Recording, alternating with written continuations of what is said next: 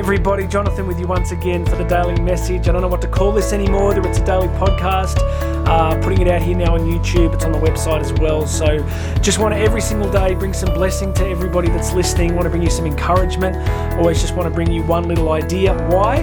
Because my entire life I've had to battle most of this stuff myself, and I've got to work so hard every day just to keep a positive, productive, forward facing mindset. So I teach this stuff not because I've mastered it because I need to hear it every single day. So maybe if it's only just me watching or listening, I'd still keep doing it. But uh, I hope this is a blessing to you. Now, today, I want to talk a little bit about focus. I want to talk a bit about where we place our cognitive mental energy, our imaginative focus. I just read a few things yesterday that really resonated with me. I think when I looked in my own life over years, uh, you know, for a long time in my life, I was kind of not where I wanted to be. I mean, we never get there, right? We're always approximating, and heaven is home. So this is a journey. None of us are going to have some point where we suddenly go, Yes, I've made it. This is everything I ever could have wanted right here. Perfect. So we're on this journey. But I realized that for many years I was writing goals and and I felt that I had clarity, but I wasn't getting where I wanted to be.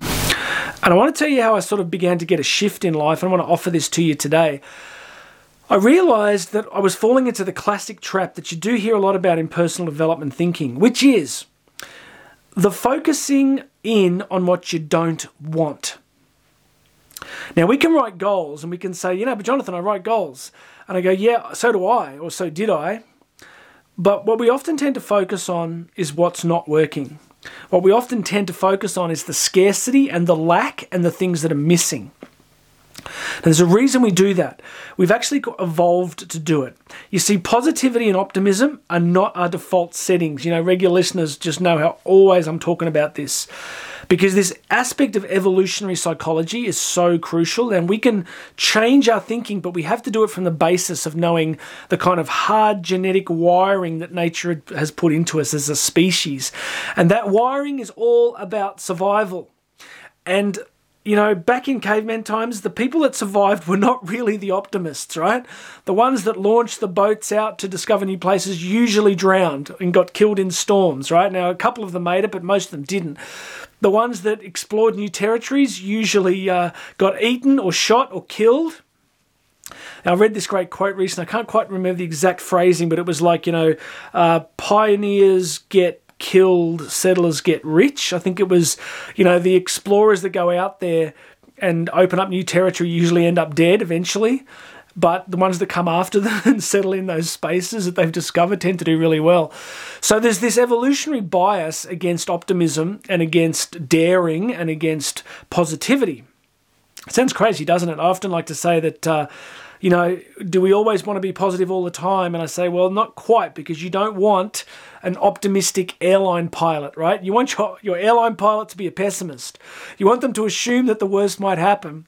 So as we go through life, you know, we, we find that there's this subtle balancing act between recognizing the difficult, hard things in life while also looking towards the future and what we do want. But I think what I did for many years was I'd be wanting to change something, but I'd be focusing on what wasn't working. I'd be focusing on the lack, on the scarcity, on the thing that I didn't have.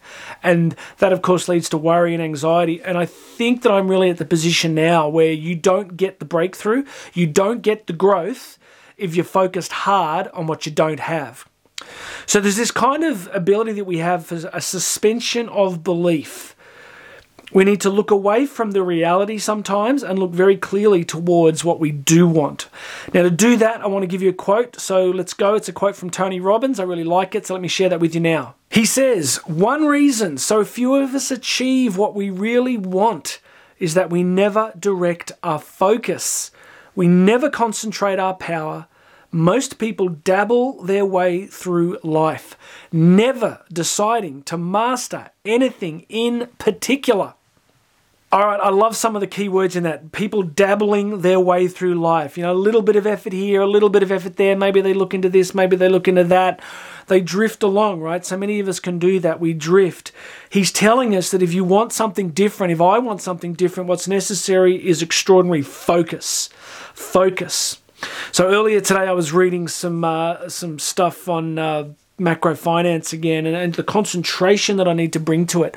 And even being here in the studio, the desire to just be focused, to be present, to be trying to bring you something energetic and useful. We got to become masters, not dabblers. We need to use our focus in ways that serve us, not in ways that pull us away from things, right? We want to be focusing on what we do want. So Karen and I got a whole bunch of goals we're working on at the moment and you got to become a different person. You actually have to become somebody that just goes, you know what? I'm not looking at the present reality. I'm done with that. I'm not looking at all the bad stuff from the past. I am genuinely focused now on what's in front of me. I'm going after the future. And there seems to be this inexorable law of the universe that the more that you stay energized and focused on what you do want, I don't ever think I'd say these words, but but the more that it tends to come towards you. I know some of you are going to go, Jonathan, you're sounding a lot like you just read The Secret. I don't know what to tell you. I, I just don't know. Here's the question How do you want to live life? Do you want to live life focused on all the bad stuff that's happened? Do you want to live your life focused on everything that's missing in your life right now? Or do you want to live your life focused on what you want? I mean, you got to make that choice. So, even if I don't make it, I'm just going to take the shot. You see, after I get out of the studio here, I've got a three hour training ride because on October 3rd, I've got a 255 kilometer race with 5,000 meters of vertical climbing on the bike, right? So now, when I do that race, it'll be the toughest race I've ever done. And I'm pretty sure I'll, uh, I'll finish it, right? My fitness is good and I've got the history for it. But even if I didn't, would it be worth having the shot? Absolutely.